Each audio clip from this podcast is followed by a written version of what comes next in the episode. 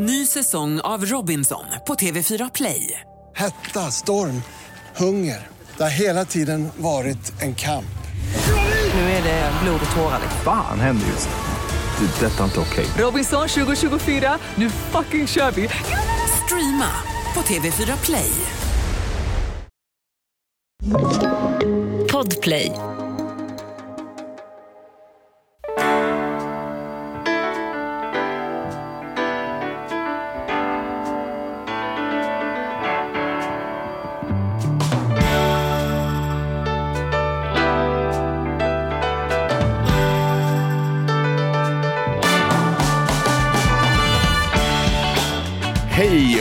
Varmt välkomna till Ekonomi på riktigt med Charlie och Mattias. Det är jag som är Mattias och det är du Charlie som är Charlie. Ja, så brukar vi fördela arbetet. Det Ja. finns väl ingen anledning att byta den här veckan tänker jag. Nej, jag tänker också så. Hur har du det med börsen? Hur har du med börsen? Mm. Ja, men jag är ju en tråkig jävel på det sättet att när det kommer till börsen så ligger jag bara och matar.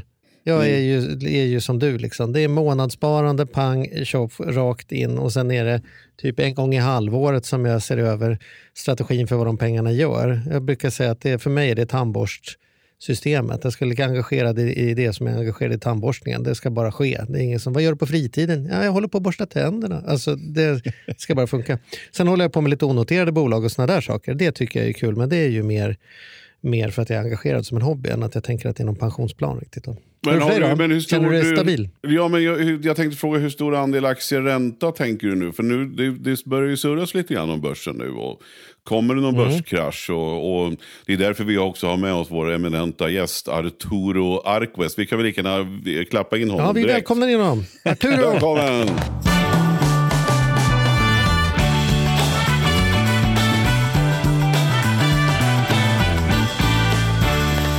Tack så mycket. Tack, tack. Hur är det för dig? Är det tandborst? Är det Jo, tandborstfråga eller fördelningen, är det liksom daglig tittning? Hur, ja. hur har du det med fördelning? Så får vi se om, om Arturo tycker att vi gör rätt. Vad, har du någon Ja, koll men jag det? ligger högt, högt på aktier. Och det, det delar jag väl med ganska många. Att jag säkert, Arturo kommer tycka att jag ligger för högt, men jag ligger uppemot 80 procent i alla fall. Och jag ligger det. 60, 60 på, på en portfölj och 65 på en annan typ av... eh, Jag har, jag har en fondrobot och där, där har jag 65-35 och på den andra har jag 60-40. Som är mer alltså bank, klassiska aktieindexfondsgrejen. Hur borde man tänka? Kommer det bli en börskrasch, Arturo? Vad, vad säger du? Ska vi vara oroliga? Vi träffade ju dig här för, för en vecka sedan när vi pratade om, eh, om eh, att man faktiskt får, har, man får mer i plånboken i år men man, det kommer vara en sämre, sämre köpkraft. Det vill säga priserna går upp så pass mycket så att det blir minus för första gången på väldigt länge. För er som inte lyssnar på det här programmet så kan ni gå in och lyssna på det med fördel efter det här. Men, men eh, ska vi vara oroliga för börsen också? Vad fan, eller får vi lugn och ro på den fronten? Det får väl vara någon nog med elände, Arturo. Exakt. Domedagsprofet. Jag ska säga så här, om vad som händer med börsen står skrivet i stjärnorna, men vad vi kan göra med den kunskap och erfarenhet som ändå har liksom förvärvats i ett par hundra år nu när det gäller börsen, det är att eh, naturligtvis alltid tänka efter före och inte gripas av panik. Jag blir glad när jag hör Charlie beskriva lite grann hur han tänker, för det är precis så som jag önskar att alla skulle tänka med sina pengar. De som jagar snabba pengar, det brukar vara ett effektivt sätt att aldrig bli rik. Det tar tid att bli rik, precis som om man ska bli duktig idrottskvinna eller idrottsman eller musiker för den delen. Det tar tid att bli duktig. Och Att bygga upp ett kapital och bygga upp en liten förmögenhet, det tar tid. Och Det ska man ha respekt för. Men den, eh, den som är enveten och envis och långsiktig kommer att lyckas. Men nyckeln till framgång är framförallt tre saker. Spara regelbundet, som vi hörde att Charlie gör. Jättebra tips. Spara regelbundet. Underskatta inte avgifternas betydelse. Och eh, nummer tre, var långsiktig. Om du går in på börsen så ska du ha minst 5, 6, helst 7 år eller längre i sparhorisont. Och Då blir du inte orolig ifall börsen skulle gå ner, utan då fortsätter man att spara regelbundet även i händelse att börsen går ner. Om man däremot grips av panik och man behöver pengarna inom ett eller två år och måste sälja, då är det lätt att man gör fel och att eh, det här kapitalet som man gärna vill se växa inte växer eh, tillnärmelsevis på det sättet som det skulle kunna göra.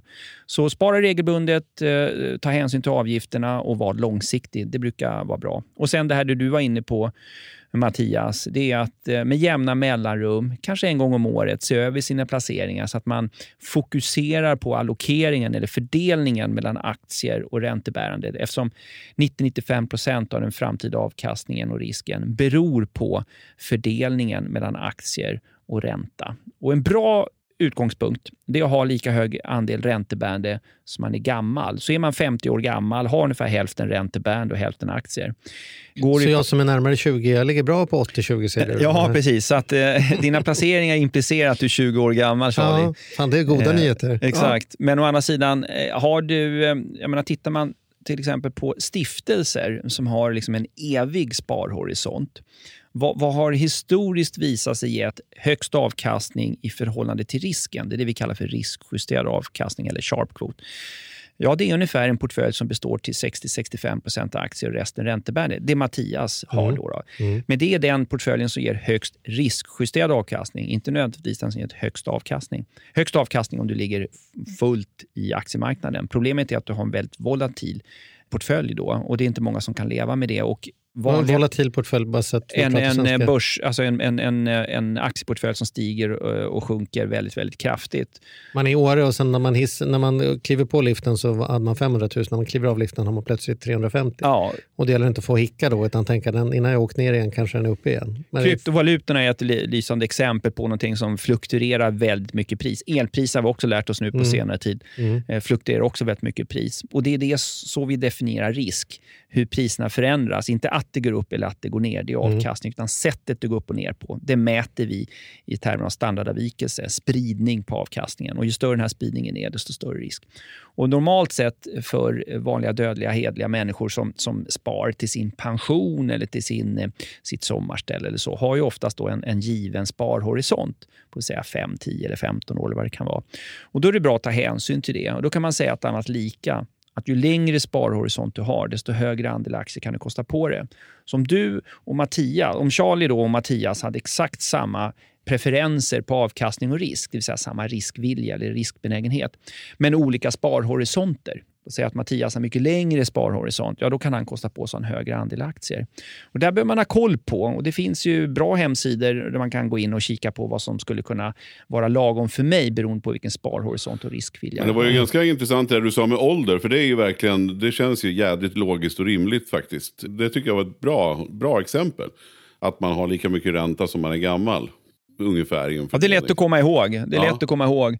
Och har man då, eh, menar, vi vet ju att börsen gick ungefär 35% förra året. Och året dessförinnan gick börsen också bra, året dessförinnan också. Så vi har haft ett antal år nu med kraftig börsuppgång.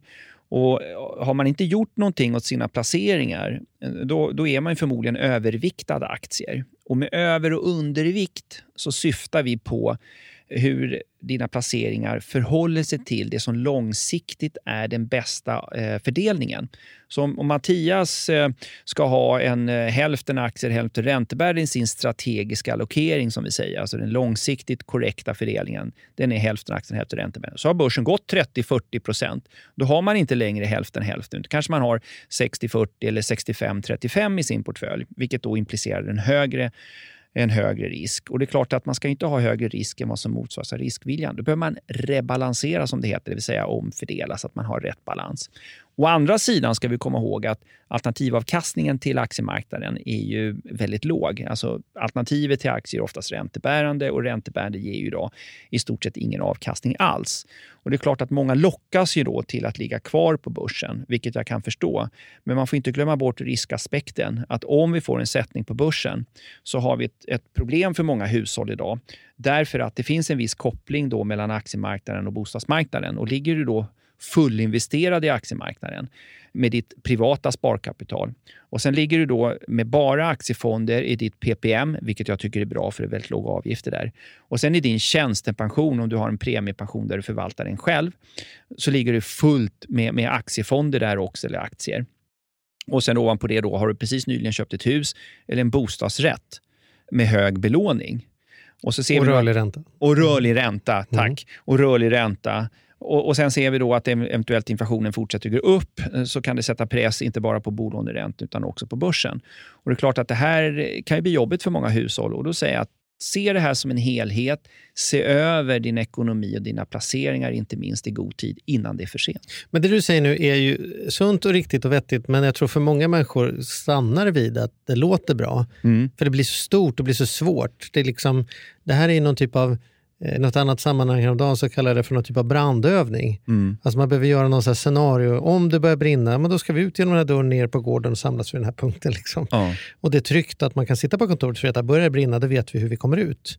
Men jag tror för många privatpersoner i alla fall så har man inte den typen av finansiell brandövning. Om, om det blir en börskrasch, vad händer då? Jo, men då kan vi räkna med att det blir så här och blir så här och blir så här. Det skulle man ju nästan vilja ha en liten... Checklista. Ja, eller kanske någon liten simulering, precis som man har när man eh, ska lära sig köra flygplan. Att man hade en liten finanssimulator som bara säger det här är min ekonomi. Ja, men då provar vi tre senaste kriserna och så får vi se. Kan du ha kvar hundvalpen eller inte? Liksom? Det hade ju varit något. Kan du, inte- kan du inte Absolut. gå hem och bygga en sån på, vi, vi skulle på kunna jobbet? eh, ta ett poddinslag om det. det. Det jag skulle vilja säga då, precis som man brukar göra när man ställs inför ett ganska komplext eh, och, och stort problem, det är liksom att bryta ner det här problemet. Då, då. Och eh, Det jag skulle titta på eh, nu, det är ju boendet. Boendet är den enskilt största utgiften för många. och Då skulle jag göra en form av känslighetsanalys. Vad händer med min boendekostnad om räntan går upp med en halv procent till exempel? Det skulle jag göra. Och Skulle jag upptäcka då att äh, men går räntan upp en halv procent, då ökar min boendekostnad med 3 000 spänn. Det får inte hända under några som helst omständigheter. Då skulle jag säga, även om sannolikheten att räntan går upp en halv procent under 2022 inte är jättehög, men heller inte obefintlig. men, den- men den är inte noll, precis, den är inte obefintlig. Så skulle jag säga att, eh, för vi tror ju själva att eh, räntan kanske under året går upp med eh, 0,2 procent, men det kan ju bli 0,5 och det kan bli noll också. Mm. Då skulle jag säga att det ligger inom häralden där det finns anledning att liksom se över då. Och är det så att man inte tycker att "Nej, men det där får inte hända, det får under inga omständigheter hända, då tycker jag att man, är, eh, att man eh, kvalificerar sig för liksom att eh, vara en kund som kanske ska ha då bundna lån eller fast ränta. Det är ett exempel. Och Eh. när man gör den analysen måste man då också ta några minuter och kolla efter om det är en bostadsrättsförening, hur är det med föreningens Ja, lån? Då? För det jättebra. är ju, räntan går ju upp även på dem och det är jag som ska vara med och betala dem också. Det missar ju ofta när man gör den här analysen att man tänker sen har vi avgiften och den är på 2,8. Det har den alltid varit. Liksom. Ja, och, och nästa eh, grej jag skulle göra då om jag bor, det är okej, det här är mina privata bolån. Nästa grej, bor jag i en bostadsrättsförening, då finns det lån också. Och då ska jag titta, vad har föreningen i lån? Då kan man gå in och kika i årsredovisningen och titta, okej, så här mycket har föreningen i lån och min andel, mitt andelstal som jag har då via min lägenhet. Då då. Det står om inte annat på det där eh, kontraktet man skrev med mäklaren. En gång i tiden. Det står 4,6 eller 0,017 eller Ja. sånt där. Och så Mm. kollar man då hur mycket andel har jag. Då kanske du har 500-600 000 i lån indirekt via föreningen. Och till skillnad från dina privata bolån så kan du inte göra ränteavdrag på föreningens lån. Eller föreningen kan inte göra ränteavdrag. Så det slår ju rakt ut. Mm. Det är det ena jag skulle göra. Det andra är att jag skulle titta på vilken pension jag har. Om jag har förmånsbestämd pension, eh, Eh, då behöver jag inte göra någonting. Eh, och förmånsbestämd pension betyder att du får en procent av din slutlön när du går i pension. Har du däremot en premiebestämd pension, där en viss procentsats av din lön går in till din tjänstepension och du själv har ansvar för hur de pengarna placeras, då skulle jag gå in och ägna en timme till att se hur de här pengarna är placerade. Och eh, är det så att jag ska ta ansvar för de där placeringarna själv, se till att jag inte har för hög exponering. Och sen slutligen som nummer tre då, ska jag titta på mitt privata sparande. Det här kanske det du och Mattias pratar om att okej, jag har den här allokeringen, mitt privata sparkapital, som jag förvaltar själv. Och, och, och funderar då på vad som kan vara lämpligt. Men idag tror jag väldigt många hushåll som inte har brytt sig, inte tänkt på det, för det har ju bara gått av farten. Det har ju bara gått upp, ingenting. Eh, ju mindre jag gör, desto bättre är det, för det bara att segla med. Men eh, jag tror att återigen att eh, åtminstone en gång om året sätta sig ner och gå igenom placeringarna och se om jag har en rätt allokering. Och som jag sa inledningsvis, fokusera på fördelningen mellan aktier och räntebärande. Det betyder inte att det är oviktigt vilka aktier du äger. Det betyder inte att det är oviktigt vilka fonder du har. Men det är inte det som är det viktigaste, utan det viktigaste det är allokeringen. Visst är det så. Och, och jag tänker också att, att det är ju bevisligen så att det är oroliga tider. Och det har, man väl, det, har det ju varit på, på, på alla möjliga sätt eh, jämt. Alltså, det är ju det är livet, liksom. Eh, världen som pågår. absolut. Men, men det går ju inte att, att komma ifrån nu att pandemin ställer till det till höger och vänster. Det blir mycket osäkerheter och folk agerar inte Mm. på samma sätt och resorna fungerar inte på samma sätt. Och så det gäller att titta över försäkringar. Det gäller att, alltså jag tycker att, att 2022 också är ett år där man, där man kanske ska vara, titta över lite extra. För att det känns som att det är ju, i alla fall är min känsla den, totalt sett att det är lite skakigare. Sen att, att elpriserna inte behöver ha att göra med, med pandemin eller att räntorna kommer påverkas eller inflation eller sådär. Men det är, det är oroligare tider. Och man kanske också just där på försäkringssidan tittar, tittar över tittar över räntan på lånen. Alltså att man verkligen tar tag i det. För ju mer, jag tror också att det är liksom lite psykologiskt. Om, om man bara seglar med som du sa Arturo, i, när det är som det är nu så är det lätt att man känner att man kanske tappar kontrollen ännu mer. Om man har städat sitt hus och, och tittat över de grejerna jag, man kan göra själv. Alltså man har tittat på el, elpriserna, man har gått in på min pension. Man, man, man känner sig liksom trygg i det man kan påverka. Så tror jag också att det kan vara ett sätt att känna sig mindre orolig för de här yttre omständigheterna som man ändå inte kan påverka. Liksom. Så att jag vill slå, slå ett slag för att ta tag i det här nu. Liksom. Ja, och risken att du agerar i panik eh, minskar ju också. Och, och det, det kanske man skulle understryka att eh, kanske både eh, du Mattias och Charlie har en, en i grund och botten väldigt sund och stark privat ekonomi. Och tillsammans med, med eh, er kunskap så, så kanske ni har en större trygghet eh, och säkerhet liksom i, i ert agerande. Så ni kan kosta på er och ha en högre, en högre aktieexponering eftersom ni vet mycket väl vad ni gör och ni har väldigt bra koll. Eh, Och Det är ju inte alla hushåll som har det. Och, och Det är klart att eh, är man lite osäker och inte har koll så, så är det ju bättre att ta mindre risk än, än liksom mer risk i ett sånt läge.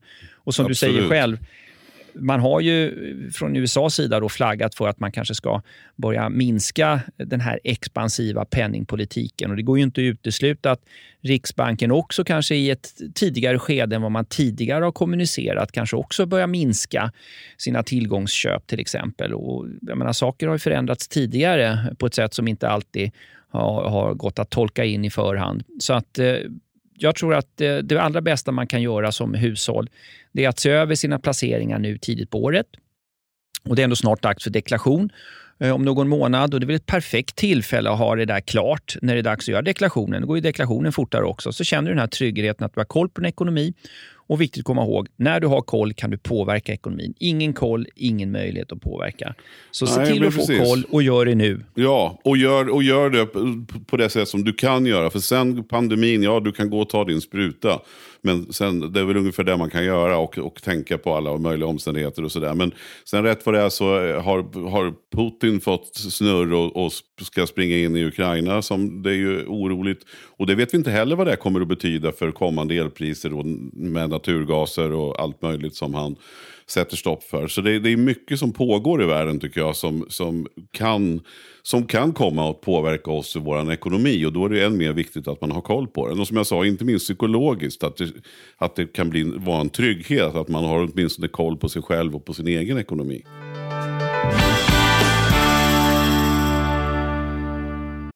Den här podden gör vi även den här veckan i samarbete med Saveland. Fan vad kul det är att ha dem med ombord. Mm, jätte, jätteroligt. Ja, vi brukar prata om att man har något band som man såg.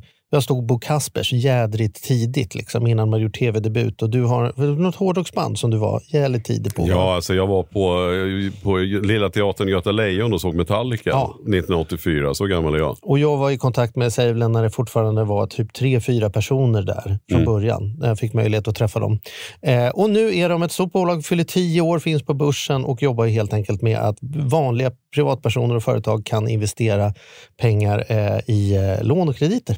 Så man får riktigt bra ränta. Så eh, det rullar på efter tio år, bättre än någonsin. Fantastiskt kul att ha dem med här i podden.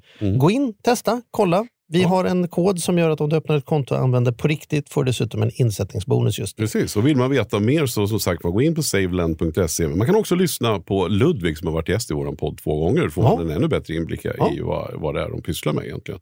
Men eh, ja, saveland.se och stort tack. Ny säsong av Robinson på TV4 Play. Hetta, storm, hunger. Det har hela tiden varit en kamp. Nu är det blod och tårar. Fan händer just det. Det är detta inte okej. Robinson 2024, nu fucking kör vi! Streama på TV4 Play. Ett poddtips från Podplay. I fallen jag aldrig glömmer djupdyker Hasse Aro i arbetet bakom några av Sveriges mest uppseendeväckande brottsutredningar.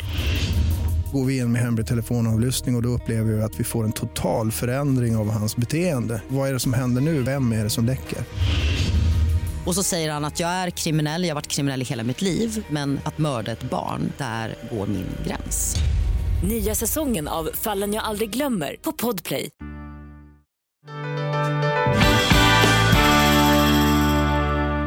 Jag tänker också så här att det finns ju väldigt få saker här i världen som inte går att lösa ganska lätt om man har tillräckligt lång tid på sig. Mm. Om du säger till mig gå ner fem kilo och får jag ett år på mig, inga problem, klara det. Men ge mig fem minuter är Mm. uppgiften fullständigt Omöjligt. omöjlig. Va?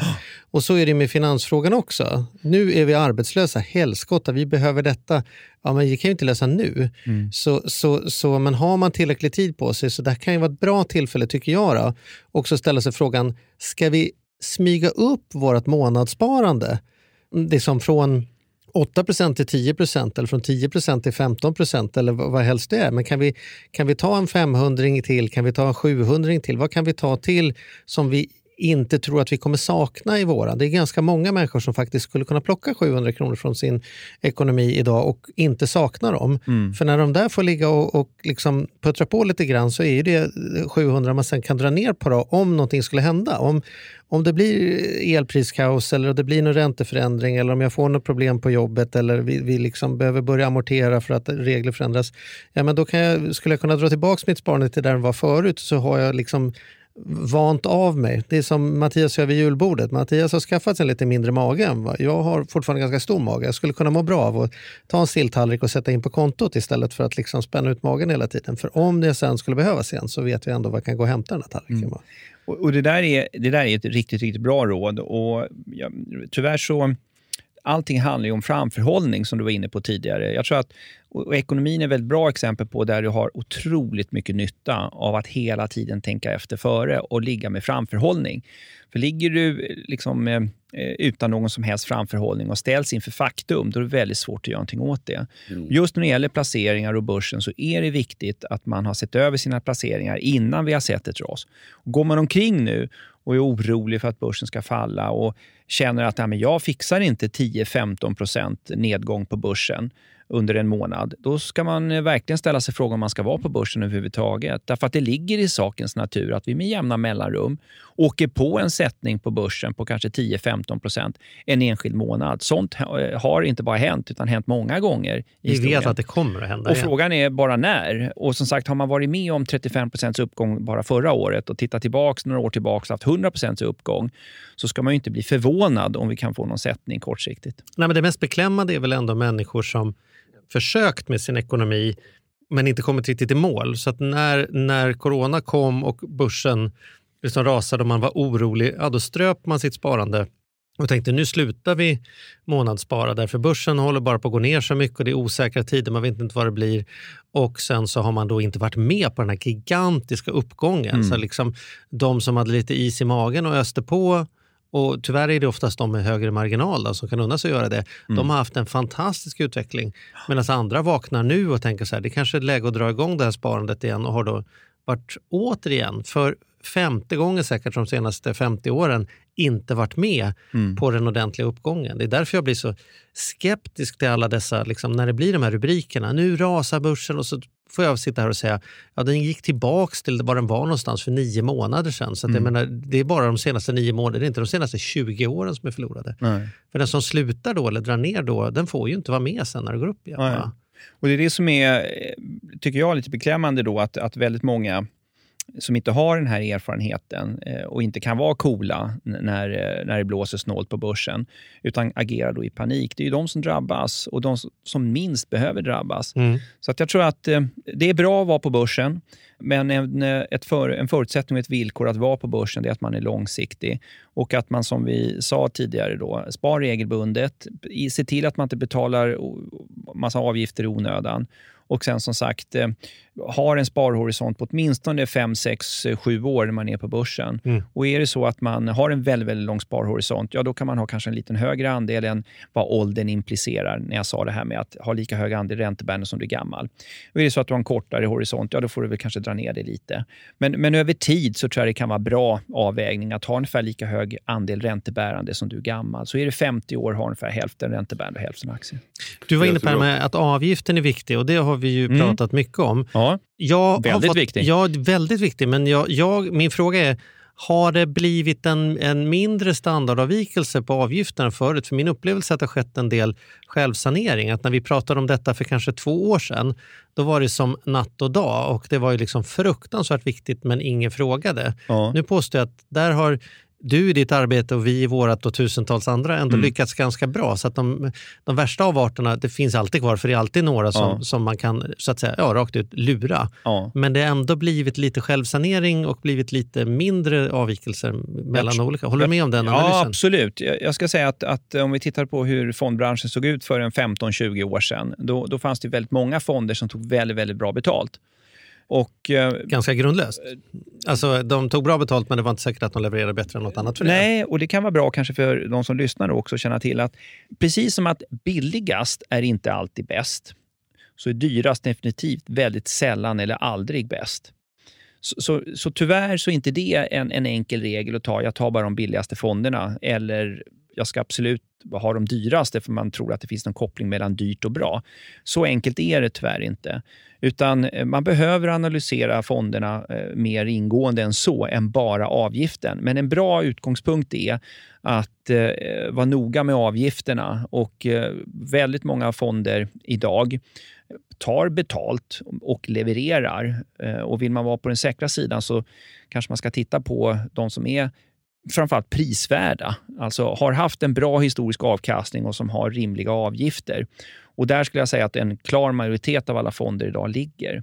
Så att jag tror att eh, många fonder som har tagit väldigt bra betalt, de finns inte kvar längre. Och eh, Medan de som har tagit väldigt låga avgifter, många av dem finns kvar för att det är billiga indexfonder. Å andra sidan ska man vara medveten om att det inte alltid som en billig indexfond går bättre än aktivt förvaltade fonder. Även om de över tid har stor sannolikhet att göra det, så är det inte alltid så. Det finns ju ett antal aktivt förvaltade fondförvaltare som eh, år ut och år in slår sitt jämförelseindex. Men man skulle, om jag ska då, det är lite svårt för dig som jobbar på bank kanske, Mm. eller kanske inte svårt alls, men jag skulle påstå att om du är ordentligt insatt och engagerad, Mm. då, då, paradoxen är att då kan du nästan köpa mera aktivt förvaltade, för då kan du på något sätt förstå vad du får för pengarna. Men den som kan och är som säger det här orkar jag inte engagera mig i överhuvudtaget, har ju då också väldigt svårt att urskilja när får jag bra betalt för aktivt förvaltat och när får jag inte så bra betalt. Och kanske, Mm. Så mitt råd är, är du inte intresserad alls, ja, men håll dig, då är det inte som det skulle kunna ganska lätt att bli lurad, men du vet, då tar vi hand om det så slipper du engagera dig. Men jag skulle nästan säga att kravet på eget engagemang ökar när du köper något som är aktivt förvaltat. Absolut, väldigt bra beskrivet. Och staten har ju tänkt på det när man utformade PPM-systemet till exempel. SOFAN är ju absolut det är ett väldigt bra alternativ som väldigt många har och det är på goda grunder.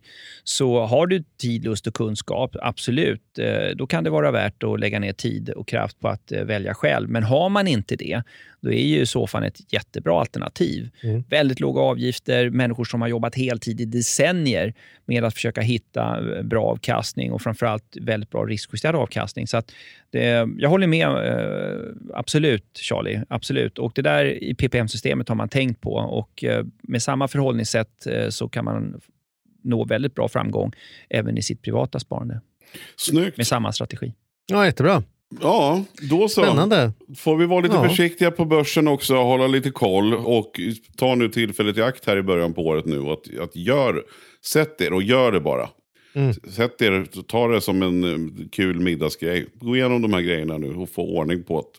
Så känns det bättre när det kommer blåsa, blåsa lite från elräkningar, börsen och lite andra pandemifläktar. Ja, men jag håller med dig. Det är just det här scenario, alltså att leka med medan det inte har hänt ännu. Den här brandövningen. Liksom, så här. Om det, kunna ändå känna sig trygg med. Men eh, älskling, om det här händer, ja men då gör vi så här. Ja, men om det blir så här, ja men då gör vi så här. Om det gör det då, har vi råd att ha kvar sommarstugan då? Ett, två, tre, ja det har vi faktiskt. Eller nej, då lär vi behöva sälja den ena bilen. Men då, då vet jag det, så jag inte behöver stå där när jag är som minst kreativ, det vill säga stressad. Och då lista ut vad som är plan A och plan B i alla fall. Mm. Det, är, det är ju väldigt skönt att ha det klart innan man tar och kollar på På spåret på fredagsgroggen liksom, och veta att det här ändå är hanterat. Att vi vet att vi har råd att bo kvar, i alla fall i scenario A, B och C. Sen finns det förstås ett Q där det blir väldigt klu- klurigt. Men de vanligaste och rimligaste kan vi väl ändå täcka av. Va? Snyggt. Tack så Härligt. oerhört mycket igen för att du kommer till oss Arturo. Det betyder så mycket. Tack du, är så, du är så klok som man undrar hur man kan vara så klok egentligen. Men ja, Mm. du är det i alla fall. Och, och vi är så glada och hoppas att du kommer tillbaka till oss snart igen. Ja, Gärna det. verkligen. Och, och när du kommer tillbaka nästa gång så Ja. ska vi också bli bättre på att eh, ta med oss lite lyssnarfrågor från våra Ja, lyssnare. det skulle vara så, kul. så vi kan väl göra ett litet upprop redan här. Har ni frågor till eh, Arturo eller frågor till oss, Arturo, fan ska skärpa mig, eh, eh, i största allmänhet eh, till oss eller något så ställ dem som vanligt och så samlar vi ihop dem och får höra. Vi har ju många frågor själva vi är nyfikna på men det är ju för er vi gör podden så det är ju ni som lyssnars frågor som har alltid har prioritet. Och det ni är många som skriver jättemånga roliga frågor som vi använder hela tiden.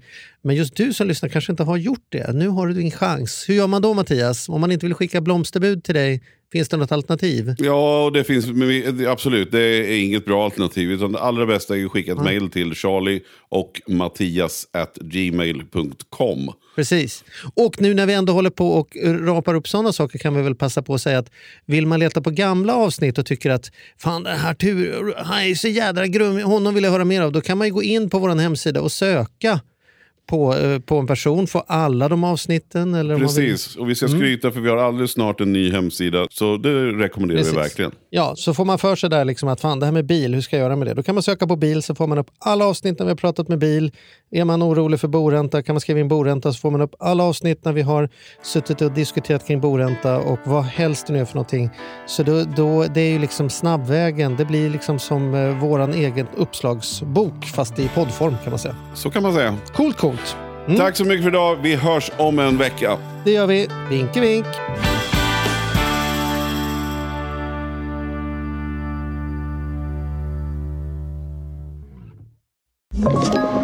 Podplay. Ny säsong av Robinson på TV4 Play.